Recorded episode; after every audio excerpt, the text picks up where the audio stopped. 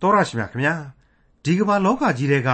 ဘယ်လူအတိုင်းဝိုင်းအဆောက်အုံမှာပဲဖြစ်ဖြစ်အဂတိလိုက်စားမှုရှိလာပြီဆိုရင်တော့အဲ့ဒီလူအဆောက်အုံဟာပျက်စီးတော့မယ်ဆိုတာမြေကြီးလက်ခတ်မလွယ်ဧကံမုတ်ချတေချာလာပါတယ်အစိုးရအဖွဲ့အစိုးရဌာနကိုမဆိုထားနဲ့ဒီကနေ့ခရိယန်တွေရဲ့အသင်းတော်အဖွဲ့အစည်းတွေထဲမှာပုံစံအမျိုးမျိုးနဲ့ရှိနေကြတဲ့အဂတိလိုက်စားမှုတွေကြောင့်အဆက်တပွဲအကျိုးနဲ့ဖြစ်ကြရတဲ့ခရိယန်ခေါင်းဆောင်ကြီးတွေ ခရိယန်အသင်းတော်အဖွဲ့အစည်းတွေအကြောင်းကို မကြာခဏဆိုသလိုကြားယုံမြမကမျက်ဝါးထင်ထင်မြင်တွေ့နေကြရတယ်မဟုတ်ပါလားဒီလိုအဖြစ်ဆိုးမျိုးကိုမကြုံရစေဖို့အတွက်ထာဝရရှင်မြတ်စွာဘုရားသခင်ဟာဟိုးရှိမစွာကလေးကဆိုဆုံးမစကားကိုမိန့်ဆိုတော်မူခဲ့ပါတယ်တစိုးစားသော ရှင်ဘုရင်မူကားတိုင်းပြည်ကိုမှောက်လန်တတ်၏လို့ဖော်ပြထားတဲ့ခရိယန်တမန်ကျမ်းဓမ္မဟောင်းကျမ်းပိုင်းတွေကတုတ်တန်ကျမ်းအခန်းကြီး29ကို ဒီကနေ့တင်ပြရသောတမန်ကျမ်းအစီအစဉ်မှာလေ့လာမှာဖြစ်ပါတယ်။ရှင်မင်းကိုတစိုးပေးတာဘယ်သူတွေလဲလို့အရင်စစ်လိုက်တော့တိုင်းသူပြည်သားတွေဖြစ်နေကြတာကိုတွေ့ရပါတယ်။ဒါကြောင့်ပျက်စီးရတဲ့အကြောင်းရင်းတွေထဲမှာရှင်မင်းတွေသာမက တိုင်းသူပြည်သားတွေကပါကိုတိုင်းပြည်ကိုဖျက်နေကြတယ်လို့မဆိုနိုင်ပေဘူးလား။မတရားတဲ့သူနဲ့တရားတဲ့သူတွေဟာဘယ်လို့မှမသိမြတ်နိုင်ဘူးဆိုတာကိုလည်းဖော်ပြထားတဲ့တုတ်တန်ကျမ်းခန်းကြီး29ကိုဒေါက်တာထွန်းမြတ်ရေးက အခုလိုလေ့လာတင်ပြထားပါတယ်။တင်ပြရသောတမန်ကျမ်းရဲ့မိတ်ဆွေတို့တတ်ရှင်အပေါင်းတို့ခမညာမိတ်ဆွေအပေါင်းတို့အတွက်တုတ်တန်ကျမ်းသင်ခန်းစာတွေကဖော်ပြပေးနေတဲ့ဖျားသခင်ဝိညာဉ်တော်သွန်သင်သောသင်ခန်းစာအပေါင်းတို့ဟာအခန်းကြီး29အထိဒီကနေ့ရောက်ရှိလာပါပြီ။မိတ်ဆွေတို့အဖို့ထာဝရဘုရားကိုကြောက်ရွံ့ယူသေးခြင်းရဲ့သဘောဉာဏ်ပညာကိုသွန်သင်ခြင်းဒုစရိုက်ကိုကျင့်ဆောင်ခြင်းအသက်ရှင်သောတရားဖြစ်ခြင်းစတဲ့အခြေခံတရားတွေဟာပညာရဲ့အချုပ်အခြာဖြစ်တယ်ဆိုတာတွေကို ကျွန်တော်အကြိမ်ကြိမ်ဖော်ပြရှင်းလင်းပေးခဲ့ပြီးပြီဖြစ်ပါတယ်။လောကီရေးဆိုင်ရာတရားတွေဓမ္မတွေလို့ရေပုံရအားဖြင့်ပြောနိုင်တဲ့ဒီတရားတွေဟာလောကုတ်တရားဓမ္မများလည်းဖြစ်နေပြန်တယ်ဆိုတာကိုမိษွေတို့အနေနဲ့ထိတွေ့ခန်းစားနိုင်ကြလိမ့်မယ်လို့ကျွန်တော်ခံယူမိပါတယ်။မိษွေအပေါင်းတို့ဒီကနေ့အဖို့ကျွန်တော်တို့ဆက်လက်လေ့လာဖို့ရှိနေတဲ့အခန်းကြီး29ကိုသုတ်တန်ဆရာဟာအခုလိုဖွင့်ပေးလိုက်ပါတယ်။အငယ်1အထက်ထက်ဆုံးမခြင်းကိုခံတော်လေမိမိလေပင်ကိုခိုင်မာစေသောသူသည် ကိုးကွယ်ရမရရုတ်တရက်ပျက်စီးလိမ့်မည်တဲ့ဒီနေရာမှာရုတ်တရက်ပျက်စီးလိမ့်မည်ဆိုတာဟာဟိုတစဒီတစပျက်စီးတာမဟုတ်ဘဲနဲ့ရုတ်ချီးဘုံဘုံလဲပျက်စီးခြင်းဆိုတဲ့သဘောတက်ရောက်နေပါလေတခဏတဘဝဆိုတဲ့သဘောဖြစ်ပါလေအမှန်တော့လောကကဘာမြေကြီးမှာတခဏတဘဝပျက်စီးခြင်းပြဿနာတွေဟာအများကြီးပါဘယ်လူသားကမှကိုဟာရုတ်တရက်ပျက်စီးမှာမဟုတ်ဘူးလို့အာမမခံနိုင်ပါဘူးအရေးကြီးတာကတော့ကိုးကွယ်ရမရဆိုတဲ့အချက်ပဲ ကျွန်တော်အင်မတန်ချစ်တဲ့တန်ငယ်ချင်းတယောက်ဟာသူတက်ရောက်နေကြဖျားရှိခိုးကြောင်းနားမှာတယ်မြေကားတိုက်ခံရပြီးတော့ပေါင်ကျိုးတယ်နံရိုးတွေလည်းကျိုးကုန်ပါတယ်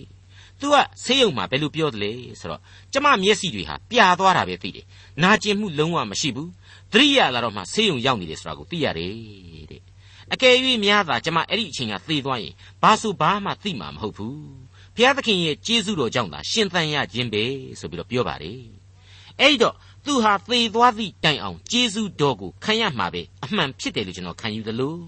အခုလိုမသေးတဲ့အတွက်ကြောင့်လေဆက်လက်ရှင်သန်ရအသက်တာမှာကျေးဇူးတော်ကိုချီးမွမ်းရလိမ့်မယ်လို့ကျွန်တော်တွေးမိပါတယ်ဓမ္မသမိုင်းတွေကအာဟပ်တို့ယေဇဗေလတို့စတဲ့မသမာသူတွေရဲ့သေခြင်းဟာတော့ကြောက်မဲ့စရာကောင်းသလောက်မောရှိရဲ့သေခြင်းကြပြန်တော့လေလွတ်မောစရာတည်ပြီးကောင်းလှပါလားဆိုတာကိုကျွန်တော်ကဒီနေရာမှာသွားပြီးတော့တွေးမိပါတယ် ဓမ္မသမိုင်းရဲ့သင်ခန်းစာများအားဖြင့်မိမိရဲ့စိတ်အတွင်းမှာအထက်ထက်ဆုံးမခြင်းကိုခံတော်လေမိမိလေပင်ကိုခိုင်မာစေသောသူသည်ကိုးကွယ်ရမရရုတ်တရက်ပျက်စီးလိမ့်မည်ဆိုတဲ့အတိုင်းပဲရုတ်တရက်ပျက်စီးခြင်းနဲ့လူသားတို့ကင်းဝေးနိုင်ကြပါစေလို့မေတ္တာပို့ဆုတောင်းပေးမိပါတယ်မောရှေရဲ့အကြောင်းကိုပြန်တွေးမယ်ဆိုရင်မောရှေမင်းမှာအပြစ်ရှိနေပြီဒါကြောင့်မို့မင်းခါနန်ပြည်ကိုမဝင်ရဘူးဒါပေမဲ့ကြည်မြင်ခွင့်တော့ငါပေးမယ် ပိသခါဆိုတဲ့တောင်ပေါ်ကိုတက်ပြီးတော့ခါနန်ပြည်ကိုကြည်စမ်းဆိုတော့မောရှေဆိုတဲ့ပုဂ္ဂိုလ်ကြီးဟာလေတောင်ဝေးတစ်ချောင်းနဲ့ပိသခါတောင်ပေါ်ကိုတက်ခဲ့ရလိမ့်မယ်အဲ့ဒီတောင်ပေါ်မှာတင်ပဲဘုရားသခင်ဟာသူ့အသက်ကိုရုပ်သိမ်းပြန်တော့လေသူဟာခေါ်တော်မူခြင်းကိုပျော်ပျော်ကြီးပဲခံယူခဲ့လိမ့်မယ်သူ့ရဲ့ဇာပနာဟာလေဘုရားသခင်အထူးစီစဉ်ပေးတဲ့ဇာပနာတစ်ခုဖြစ်လိမ့်မယ်အဲ့ဒီအချိန်ကာလမှာသူ့ကိုခါနန်ပြည်ကိုဝင်ဝင်မပေးခဲ့ဘူးဆိုပေမဲ့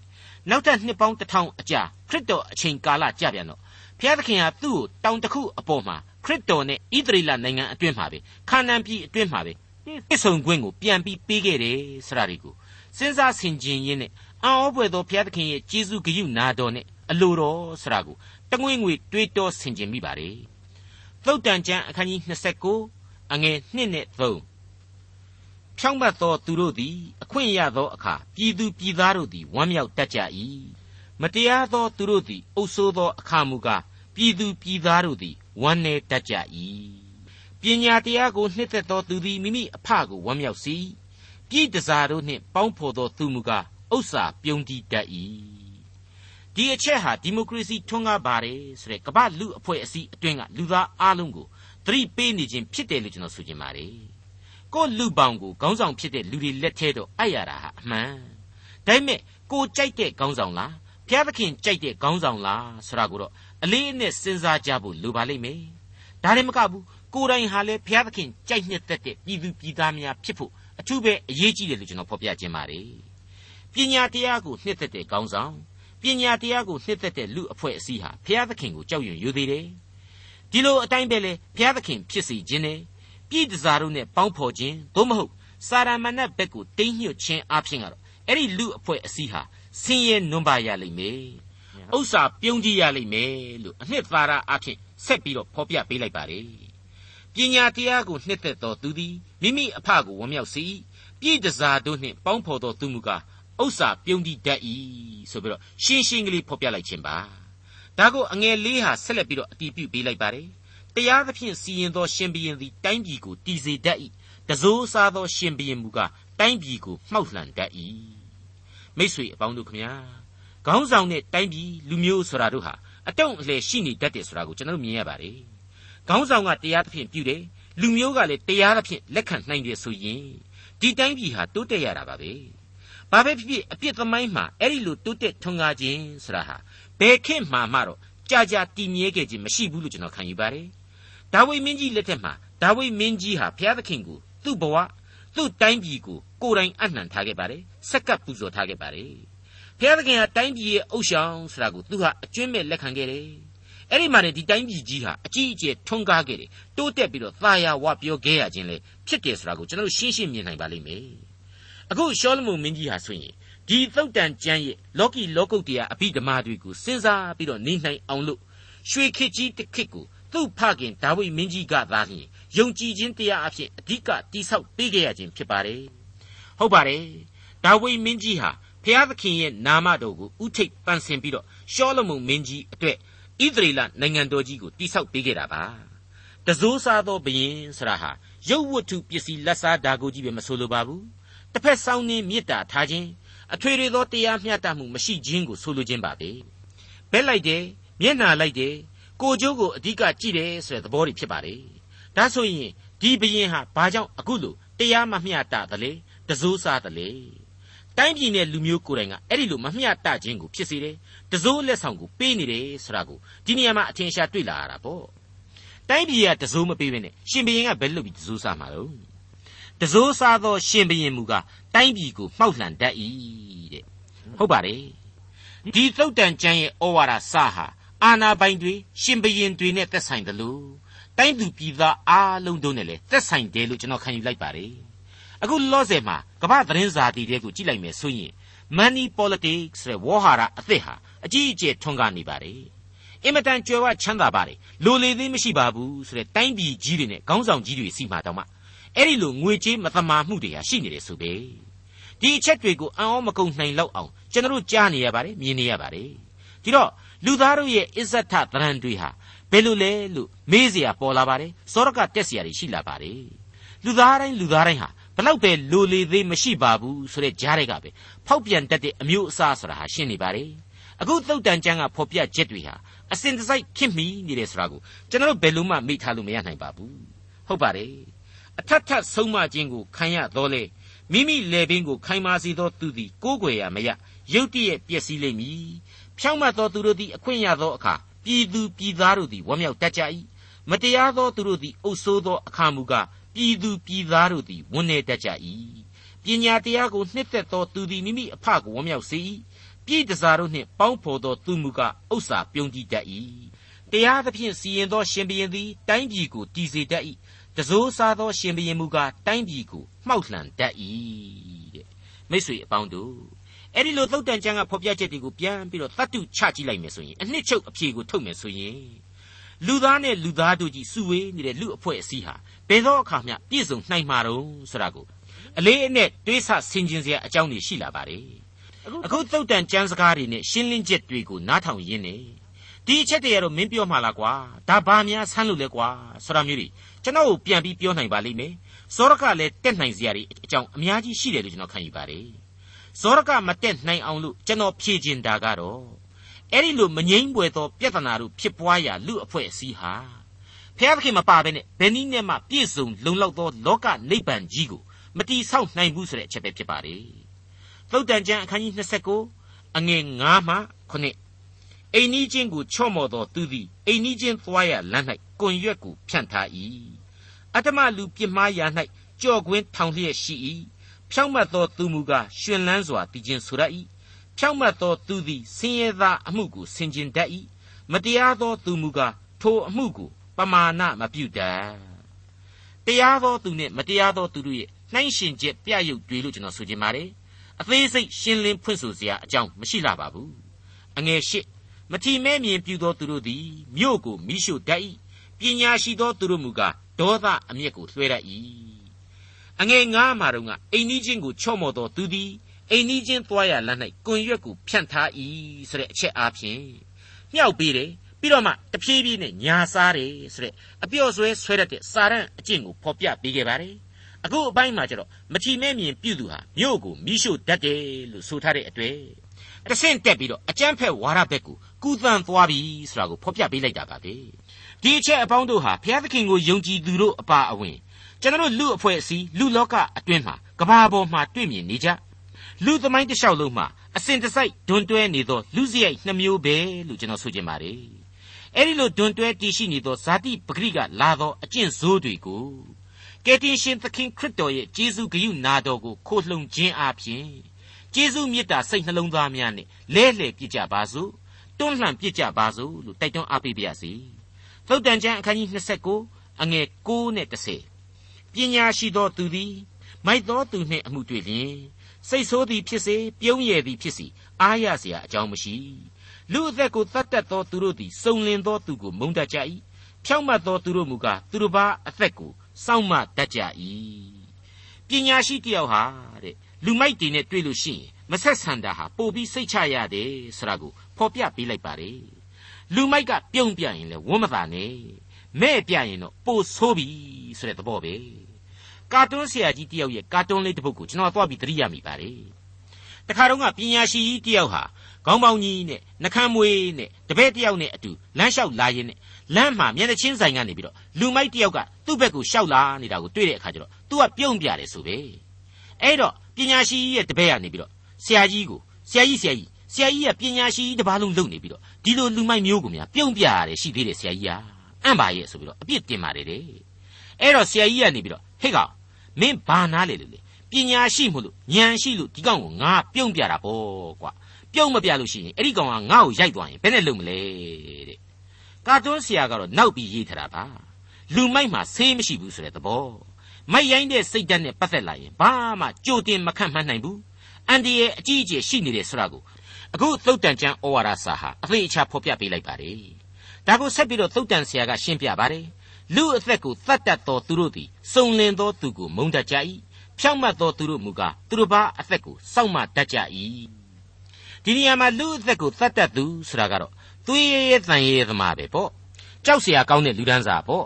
ဒီအပိုင်းမှာမိကွန်းထုတ်เสียပေါ်လာရတာကတော့ဒါဝိရှောလမုန်အပါအဝင်မင်းဒီမှန်သမျှဟာလေသူတို့ခေအလျောက်လက်မှာသွေးမစွန်းခဲ့ကြဘူးလားလို့မေးမယ်ဆိုရင်သွေးစွန်းခဲ့တယ်လို့ဆိုရမှာပါအဲ့ဒီအခက်အဲ့ဒီအခါသမယမို့လို့သူတို့ကသွေးစွန်းတယ်ဆိုရင်သွေးပင်မစွန်းကွက်တော်ညာလေ ခေတ်သစ်ကမ္ဘာနိုင်ငံရေးလောကမှာလေဒီလိုပဲအမိတ်နဲ့သေပစ်စီရင်ရတာတွေစစ်ကြင်ညာတာတွေဘုံကျဲခိုင်းတာတွေအမြောက်နဲ့ထုခိုင်းတာတွေစသည်စသဖြင့်အကုန်လုံးဟာလေလူသတ်မှုစီရင်တဲ့ထည့်သွင်းလို့ရတာကြီးပါပဲဒါရီယာစစ်ရေးနိုင်ငံရေးတွေနဲ့ဆက်နွယ်နေလို့ကျွန်တော်ဒီနေရာမှာအသေးမစိတ်လိုပါဘူးအခုဖော်ပြတဲ့လူအသက်ကိုသတ်သူဆိုတာကတော့ရိုးရိုးလူသက်ကောင်ရာဇဝတ်သားတယောက်တည်းပို့ပြီးတော့လင်းနေတဲ့အတိတ်ပဲရှိနေတယ်လို့ကျွန်တော်ဆိုချင်ပါတယ်မှန်ပါတယ်ရှင်မသက်ခရစ်ဝင်ကျမ်းအခန်းကြီး9 အငယ်21ကနေ23အတွင်းမှာခရစ်တော်ရဲ့အဆုံးအမတစ်ခုကိုပြန်ပြီးကြည့်ကြပါလူအသက်ကိုမတတ်ရသတ်သောသူသည်ယုံ၌အပြစ်စီရင်ခြင်းကိုခံတိုက်ပေ၏ဟူသောရှေးပြည့်ညတ်စကားကိုသင်တို့ကြားရပြီငါပြည့်ညတ်သည်ကညီအကိုကိုအထောက်မတန်အမျက်ထွက်သောသူသည်ယုံ၌အပြစ်စီရင်ခြင်းကိုခံတိုက်ပေ၏ညီအကိုကိုကဲ့ရဲ့သောသူသည်လွတ်တော်၌အပြစ်စီရင်ခြင်းကိုခံတိုက်ပေ၏ညီအကိုကိုကျိန်ဆဲသောသူသည် ဂေဟင်နာအရ၌မိရှုခြင်းကိုခံတိုက်ပေ၏ထို့ကြောင့်သင်သည်ပူဇော်သက်ကာကိုရစ်ပလင်သို့ဆောင်ယူခဲ့လျက်သင်ညီအကိုသည်သင်၌အပြစ်တင်ခွင့်တစုံတစ်ခုရှိသည်ဟုအောက်မေ့တရိယလျင်ရစ်ပလင်ရှိမှပူဇော်သက်ကာကိုထား၍သွားလော့ညီအကိုနှင့်တင့်တင့်ပြီးမှပြန်၍ပူဇော်သက်ကာကိုတင်လော့ဒါဟာကယ်တင်ရှင်သခင်ခရစ်တော်ကိုယ်တော်တိုင်ဖော်ပြခဲ့တဲ့အဆုံးအမပါရှင်းနေပါပြီအမျက်ကြီးသူ ဒေါသကြီးသူမေတ္တာမထားနိုင်သူကဲ့ရဲ့တတ်သောသူစသည်စသဖြင့်တို့ဟာကာယကံမြောက်ဓာတ်နဲ့မထိုးတနတ်နဲ့မပြစ်ပေးမဲ့လူအသက်ကိုတတ်တဲ့အတိုင်းပဲအပြစ်ရှိကြတယ်ဒီလူတွေအားလုံးရဲ့အပြစ်တရားဟာလူသက်ပြီးတဲ့ကဲ့သို့ပင်ဖြစ်တယ်ဒီအပြစ်တရားကိုရစ်ပလင်မှာပူဇော်ပြီးတော့အပြစ်ဖြေရဖို့ကိုပြုရမယ်တနည်းအားဖြင့်ဆိုရင်တော့ကားရိုင်တော်ရဲ့ရှေ့တော်မှောက်မှာဒီအပြစ်တွေကိုဝန်ချတောင်းပန်ရမယ်ဆိုတဲ့အဓိပ္ပာယ်ရှိလာပါတယ်အခုဆိုရင်သုတ်တန်ကျမ်းကဖော်ပြနေတဲ့လူအသက်ကိုသတ်သူဟာ စုံလင်သောသူကိုမုန်းတယ်ဖြောက်မတ်သောသူဟာသူများအသက်ကိုစောင့်ပါတယ်ဆိုတဲ့အချက်တွေးဟာရိုးရိုးလူသက်သမားတယောက်အကြောင်းကိုကြီးပြောတာမဟုတ်နိုင်တော့ပါဘူးမတရားသောသူနဲ့ဖြောက်မတ်သောသူတို့ရဲ့နှိုင်းရှင်ချက်တရုပ်အဖြစ်ဖော်ပြလိုက်ခြင်းပဲလို့ကျွန်တော်တင်ပြလိုက်ပါရစေသုတ်တန်ကျမ်းအခန်းကြီး29အငယ်7မှ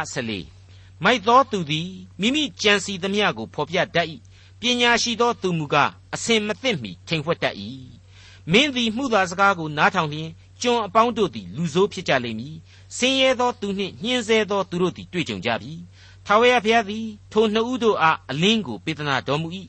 ဆင်းရဲသားတို့ကိုတရားသဖြင့်စီရင်သောရှင်ဘုရင်၏အာဏာတော်သည်အစဉ်အမြဲတည်တတ်၏ဆန့်ကျင်ဘက်ဖြစ်လိဖြစ်တတ်ရှိတဲ့လူရဲ့မတူညီသောအတန်းအစားတွေကိုအပြိုင်ရှင်တွဲဆုံးမလိုက်တဲ့အပိုင်းပဲဖြစ်ပါတယ်အဲ့ဒီထက်ကမှဗဟိုကျနေတဲ့အချက်ကတော့အချက်ချာကျနေတဲ့အချက်ကတော့လူဒန်းစားဘလောက်ပဲကွာခြားနေနေ ဖျားသခင်ရဲ့အလင်းတော်ကတော့အတူတူချင်းအပေါ်မှာဝေမျှပေးထားတယ်ဆိုတဲ့အချက်ပဲဖြစ်ပါတယ်ဟုတ်ပါတယ်ဆင်းရဲသောသူနှင့်ညှင်းဆဲသောသူတို့သည်တွေ့ကြုံကြပြီထာဝရဘုရားသည်ထိုနှစ်ဦးတို့အားအလင်းကိုပေးသနာတော်မူ၏တဲ့သုတ်တန်ကျမ်းအခန်းကြီး29အငယ်15မှ18ကျိန်လုံးနှင့်ရိုက်ခြင်းနှုတ်နှင့်ဆုံးမခြင်းအပြင်ပညာတိုးပွားတတ်၏တတ်တိုင်းနေစေသောသူငယ်သည်အမိကိုအရှက်ခွဲတတ်၏ မတရားသောသူတို့သည်များပြားသောအခါလွန်ကျူးခြင်းအပြစ်တိုးပွားတတ်၏တို့ရာတွင်သူတို့ပျက်စီးခြင်းကိုမျှော်လင့်သောသူတို့သည်မြင်ရကြ၏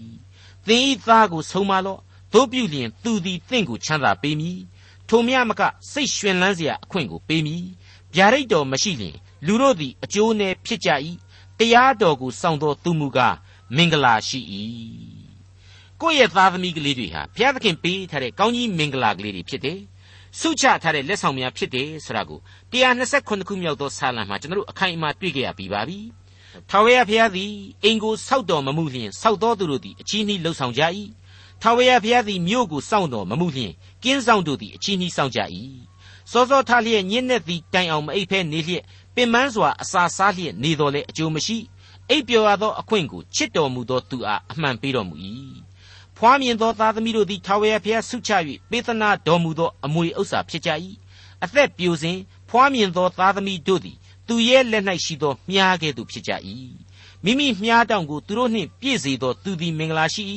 သူတို့သည်ရှက်ကြောက်ခြင်းမရှိရန်သူတို့ကိုတကားဝါ၌စီတာကြလိမ့်မည်တဲ့မိတ်ဆွေအပေါင်းတို့အဲ့ဒီလိုတန်ဖိုးကြီးကြီးမားမားထိုက်တန်တဲ့ဘုရားသခင်ရဲ့ကျေးဇူးတော်တွေကိုအလေးကျပေါက်ပန်းဈေးများလို့အယိုင်းပင်တွေလို့ ကျွန်တော်တို့သဘောမထားရပါဘူးမြေဩဇာကျွေးရလိမ့်မယ်ပေါင်းတင်ပေးရလိမ့်မယ်အသီးသီးသောအပင်များဖြစ်အောင်ပြုစုပြိုးထောင်ပေးသွားကြရမှာဖြစ်ပါတယ်ဟုတ်ပါတယ်သားသမီးကလေးတွေဟာဖျားသခင်ပေးထားတဲ့ကောင်းကြီးမင်္ဂလာတွေပဲဖြစ်ပါတယ်ခင်ဗျာနောက်ထပ်ဒီအပိုင်းမှာအရေးကြီးတဲ့ထင်လို့ဖြစ်ဆွဲရမယ့်အချက်ကတော့ဗျာဒိတ်တော်မရှိလျင်လူတို့သည်အကျိုးနဲ့ဖြစ်ကြ၏ဆိုတဲ့သုတ်တန်ကျမ်းကဖော်ပြချက်ပါအငယ်၁၈ရဲ့ဖော်ပြချက်ပေါ့အဲ့ဒီလိုဗျာဒိတ်တော်မရှိလျင်ဆိုတာဟာအင်္ဂလိပ်ဝေါ်ဟာရအရာ vision ဆိုပြီးသုံးထားတာတွေ့ရပါတယ်အဲ့ဒါဟာနှုတ်ကပတ်တော်ကိုဓာတ်ရိုက်ဖော်ပြပါတယ်တန်ရှင်းသောဝိညာဉ်တော်ဤဥဆောင်ခြင်းဆိုတာကိုလည်းဖော်ကျူးပေးနေပါတယ်တလုံးတစည်းတဲ့အပြတ်ဖော်ပြရမယ်ဆိုရင်တော့ဝိညာဉ်တော်အားဖြင့်နှုတ်ကပတ်တော်ကိုနားလေခြင်းဆိုတဲ့အဓိပ္ပာယ်ပါပဲဓမ္မရာဇဝင်ပထမစာဆောင်အခန်းကြီး3တဲကရှမွေလလေးရဲ့အကြောင်းကိုစဉ်းစားလိုက်ရင်ရှေးကာလမှာတုန်းကနှုတ်ကပတ်တော်ဆရာဟာအလွန်နှဲပါတယ်သိပ်ပြီးတော့ရယူဖို့ခဲရင်တဲ့စာပေဖြစ်တယ် ဒါကြောင့်မလို့အဲ့ဒီရှမွေလတို့ခေတ်မှာဆိုရင်အဖဖျားသခင်စီကိုတိုးဝင်ချင်းကပ်ချင်းအဖြစ်သားလျင်အဖြေကိုရယူနိုင်တယ်ဆိုတဲ့အချက်တွေကိုကျွန်တော်တို့တွေ့နိုင်ပါတယ်သူငယ်ရှမွေလသည်အေလိရှေတွင်ထာဝရဘုရား၏အမှုတော်ကိုဆောင်ရွက်လေ၏ထိုကာလတွင်ထာဝရဘုရား၏နှုတ်ကပတ်တော်သည်နေပါ၏ထင်ရှားသောယူပါယုံမရှိတဲ့အဲ့ဒီလိုဖော်ပြထားတာတွေ့နိုင်ပါတယ်အဲ့ဒီလိုစာပေအရနေပါနေတဲ့အခါမှာတနည်းပြောရရင်ရှားပါတဲ့အချိန်အခါမှာ ယူပါယုံကလည်းထင်ရှားပြတ်သားမှုမရှိလေတော့ရှမွေလအတွက်ဘုရားသခင်ကိုတိုးဝင်ချင်းကပ်ခြင်းအပြင်သာလျှင်ယူပါယုံကိုရယူခံစားရတယ်ဆိုတာကိုကျွန်တော်တွေ့ရပါတယ်ရှမွေလကိုဘုရားသခင်ဟာ၃ကြိမ်ခေါ်တော်မူခဲ့ပါတယ်ရှမွေလအနေနဲ့ဘုရားသခင်ကိုထူပါအမိန့်တော်ကိုနာခံပါဆိုတာကိုအေလိကသင်ကြားပေးခဲ့ရတယ်ဆိုတာတွေကိုကျွန်တော်တို့တွေ့ရပါတယ်အဲ့ဒီဓမ္မရာဇဝင်ပထမစာဆောင်အခန်းကြီး3အငယ်9ကနေ17အတွင်းမှာပြန်ကြည့်နိုင်ပါတယ် ရှမွေလသည်ထာဝရဘုရားကိုမသိသေးဗျာဒိတ်တော်ကိုမခံရသေးတတိယအကြိမ်ထာဝရဘုရားကရှမွေလဟုခေါ်တော်မူလျှင်ရှမွေလထပြီးလျှင်အေလိထံသို့သွား၍ကိုတော်ခေါ်သောကြောင့်အကျွန်ုပ်လာပါသည်ဟုဆိုသောထာဝရဘုရားသည်ထိုသူငယ်ကိုခေါ်တော်မူကြောင်းကိုအေလိသည်ရိပ်မိလျင်သင်သွား၍အိတ်အောင်တော်နောက်တဖန်ခေါ်လျင်အိုးထာဝရဘုရားအမိန့်ရှိတော်မူပါကိုတော်ကျွန်ကြားပါသည်ဟုရှောက်ရမည်အကြောင်းရှမွေလကိုမှားထားသည့်အတိုင်း ရှမွေလသည်သွား၍မိမိနေရာ၌အိတ်လေ၏ထာဝရဘုရားသည်လည်းရှေးနီးတူလာရက်လျက်ရှမွေလရှမွေလဟုခေါ်တော်မူလျင်ရှမွေလကအိုးထာဝရဘုရားအမိန့်ရှိတော်မူပါကိုတော်ကျွန်ကြားပါသည်ဟုရှောက်လေတော့ထာဝရဘုရားကသတင်းကြားသောသူတိုင်းနားနှစ်ဖက်ခါးစီခြင်းဟာငါသည်ဣသရေလအမျိုး၌တစုံတစ်ခုကိုပြုမည်အေလိအိမ်သားတို့တစ်ဖက်၌ငါပြောသမျှအတိုင်းထိုနေ့တွင်ငါပြုမည် ပြုစရှိပြီးမှလက်ဆသတ်မည်မိษွေတော်တတ်ရှင်အပေါင်းတို့ခမညာကျွန်တော်အထက်ထပ်ပြောခဲ့တဲ့အတိုင်းပဲနှုတ်ကပတ်တော်တမန်ကျမ်းစာတော်မြတ်ရဲ့စာရွက်တွေပုံနှိပ်စာလုံးတွေဆိုတာတဲ့ဘုရားသခင်ရဲ့ဝိညာဉ်တော်နဲ့ထိတွေ့ဖို့အထူးပဲလိုအပ်လာပါတယ်ဝိညာဉ်တော်သွန်သင်ခြင်းကိုဒီသက်မဲ့စာလုံးတွေကနေပြီးတော့နားလည်ဖို့ဆိုတာဟာပို့ပြီးအရေးကြီးနေတယ်ဆိုတာဟာရှင်းနေပါတယ်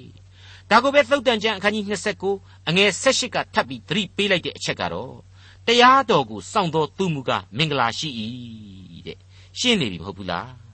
ဒီကနေ့ဒီအချိန်မှာတော့နှုတ်ကပတ်သမာကျမ်းစာတော်မြတ်ဟာကဘာမှာအများဆုံးထုတ်ဝေနေရတဲ့စာပေအဖြစ်တည်ရှိနေပါပြီကျေးဇူးတော်အထူးပဲကြီးလာပါတယ်ဒါပေမဲ့ဒီနှုတ်ကပတ်တော်ကိုဝိညာဉ်တော်အဖြစ်ခံယူဖို့ရဲ့တရားတော်ကိုနားလည်ဖို့ရတာမကစောင့်ရှောက်ဖို့ဆိုတဲ့အချက်ကတော့အရေးတကြီးလိုအပ်နေစေပဲဖြစ်တယ်လို့တင်ပြလိုက်ပါရစေသုတ်တန်ကျမ်းအခန်းကြီး29 အငယ်16မှ21စကားအားဖြင့်သာကြုံကိုဆုံးမ၍မနိုင်ရာသူသည်နားလေတော်လဲနားမထောင်ပဲနေလိမ့်မည်တတိမရှိဘဲစကားများသောသူရှိလျင်ထိုသူ၌မျော်လင့်เสียအခွင့်ရှိသည်တည်းမိုက်သောသူ၌သာ၍မျော်လင့်เสียအခွင့်ရှိ၏ကျွန်သည်ငယ်သောအရွယ်မှစ၍ပျော်ပါအောင်ကျွေးမွေးခြင်းကိုခံရလျင်နောက်ဆုံး၌သားအရာကိုရလိမ့်မည်လောကဓမ္မတစ်ခုပဲလို့ကျွန်တော်မြင်မိပါတယ် ဆုံးမတယ်ဆိုတဲ့နေရာမှာအပြစ်ပေးခြင်းဟာလည်းတစ်စိတ်တစ်ပိုင်းပါဝင်နိုင်တယ်ဒါဟာကြမ်းတမ်းတာမဟုတ်ပါဘူးပဲ့ပြင်းခြင်းကိုညှက်ခြင်းဆိုတာဟာဒီလိုပဲနှီးမျိုးစုံသုံးရတယ်လို့ကျွန်တော်သတ်မှတ်လိုက်ပါတယ်အငယ်22မှ24စိတ်ဆိုးတတ်သောသူသည်ခိုက်ရန်မှုကိုနှိုးဆော်တတ်၏ပြင်းထန်သောသူသည်လည်းအလွန်အကျူးများတတ်၏မိမိမာနသည်မိမိကိုနှိမ်ချလိမ့်မည်စိတ်နှိမ်ချသောသူမူကားဂုံအသရေကိုရလိမ့်မည် သခိုးကိုလက်ခံသောသူသည်မိမိအသက်ကိုမုန်းတတ်၏ကျိန်ဆိုခြင်းကိုပြုတော်လေအမှုကိုမဖော်မပြတတ်ဒေါသကြီးသူတွေအားလုံးသတိပြုရပါလိမ့်မယ်လုံနေတာကသာသနာအလုပ်မေတ္တာတော်ရဲ့လုပ်ငန်းဒီကြားထဲကထစ်ခနဲရှိတိုင်းကြက်ကောင်းစိတ်မခံဘူးထထရံဖြစ်ခြင်းများသီးခံတော်မူကြပါသုတ်တန်ကျမ်းအခန်းကြီး29အငယ်25မှ29အဆုံးအထိလူကိုကြောက်ရွံ့ခြင်းသဘောသည်ကြော့ကွင်းကိုထောင်တတ်၏ ထာဝရဘုရားကိုခိုလှုံသောသူမူကားလုံခြုံလိမ့်မည်မင်းပြုသောကျေးဇူးကိုများသောသူတို့သည်ကြိုးစား၍ရှာရကြ၏တို့ရတွင်ခတ်သိမ်းသောသူတို့၏အမှုကိုထာဝရဘုရားစီရင်တော်မူ၏တရားသောသူသည်မတရားသောသူကို၎င်းမတရားသောသူသည်တရားသဖြင့်ကျင့်သောသူကို၎င်းဆက်ဆုပ်ယွန်ရှာတတ်၏အေဖက်ဩဝါဒစာမှာကလေးကဥကောင်းဖြစ်တော်မူသောခရစ်တော်ထံမှတွေ့ဆဲနေရတဲ့ခန္ဓာတော်အသစ်ဖြစ်သောအသင်းတော်ရဲ့ ယုံကြည်သူတဦးစီတို့ရဲ့ဟာမသိမချင်းကတော့မြေပေါ်မှာခြေချနေကြရတာပဲ